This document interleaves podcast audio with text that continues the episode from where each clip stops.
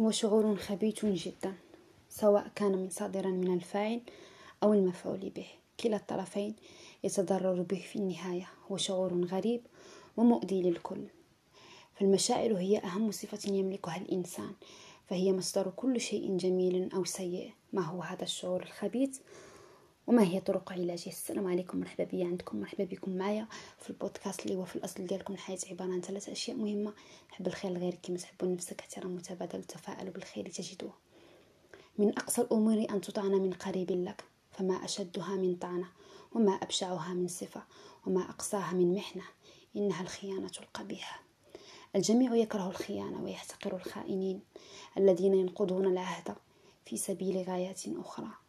وللأسف انتشرت هذه الصفة الخبيثة بين أفراد المجتمع من بين أسباب انتشارها التكبر والطمع والحسد فهي الغدر وضد الأمانة وشعور يسبب مجموعة من الأفكار والسلوكيات السلبية لدى كل من ضحاياه ومرتكبيه وتفاعل معقد بين الغضب والارتباك والإحباط لضحايا هذا الشعور. أما من الجانب الآخر قد يشعر مرتكب هذا السلوك إلى تأنيب الضمير أحيانا مصحوبا بشعور الندم.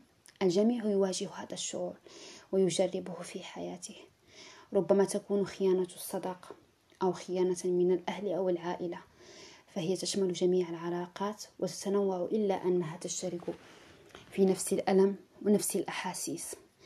الخيانة تدمر كل المشاعر الجميلة وتجعل إحساسنا بالواقع يختل في, نظر في نظرنا وأن كل ثقتنا تنهار بسبب أشخاص قاموا بهذا الفعل أو السلوك القبيح. فهي تدمر وتحطم فيك جميع المبادئ والقيم التي تبنى عليها كل العلاقات كالأمان والاحترام والمسؤولية المتبادلة.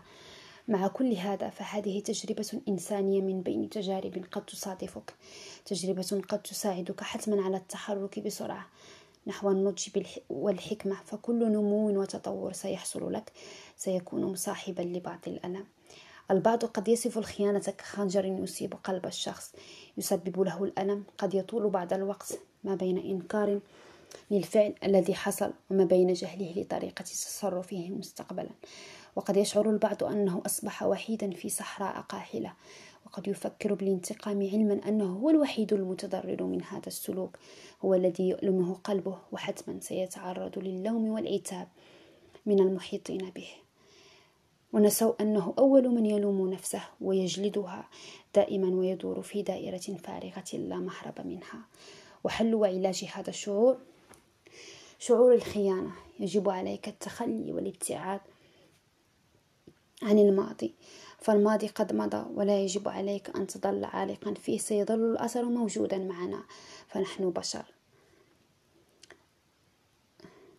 فنحن بشر. فلن ننسى ونتكيف بهذه السهولة إلا بعد مدة زمنية لا بأس بها.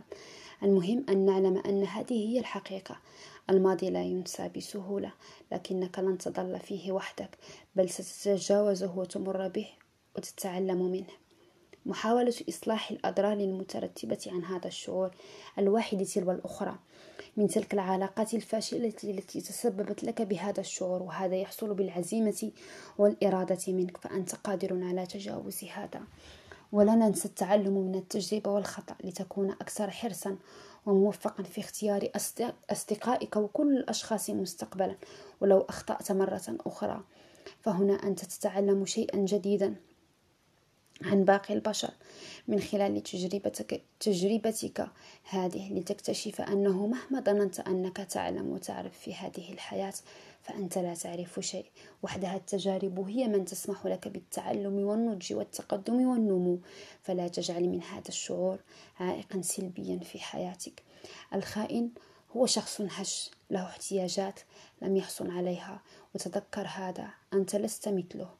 فهي دنيا فانية فلا تتصف بهذه الصفة القبيحة الخيانة. ولا تفعل بمثلها لو كنت ضحيتها.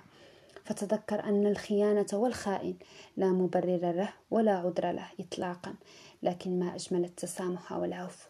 وعليك أن تسامح نفسك وتعيش حياتك كباقي البشر. فكل من مر وتعرض لهذا الشعور الخبيث شعور الخيانة قد يتساءل بينه وبين نفسه ما أسباب الذي جعل الشخص ليفعل معك هذا؟ لربما كان مخطئا أو هو شرير بالفعل استمتاعه لكسر خاطرك والابتعاد عنك لكن لن يفيدك التأرجح بين الماضي والمستقبل وأنت تحمل هذا الشعور بل علينا أن نعيش اللحظة بكل هدوء, هدوء وسعادة فالخائن لا عذر له ولا عهد له ولا أمانة له كونوا بخير في أمان الله.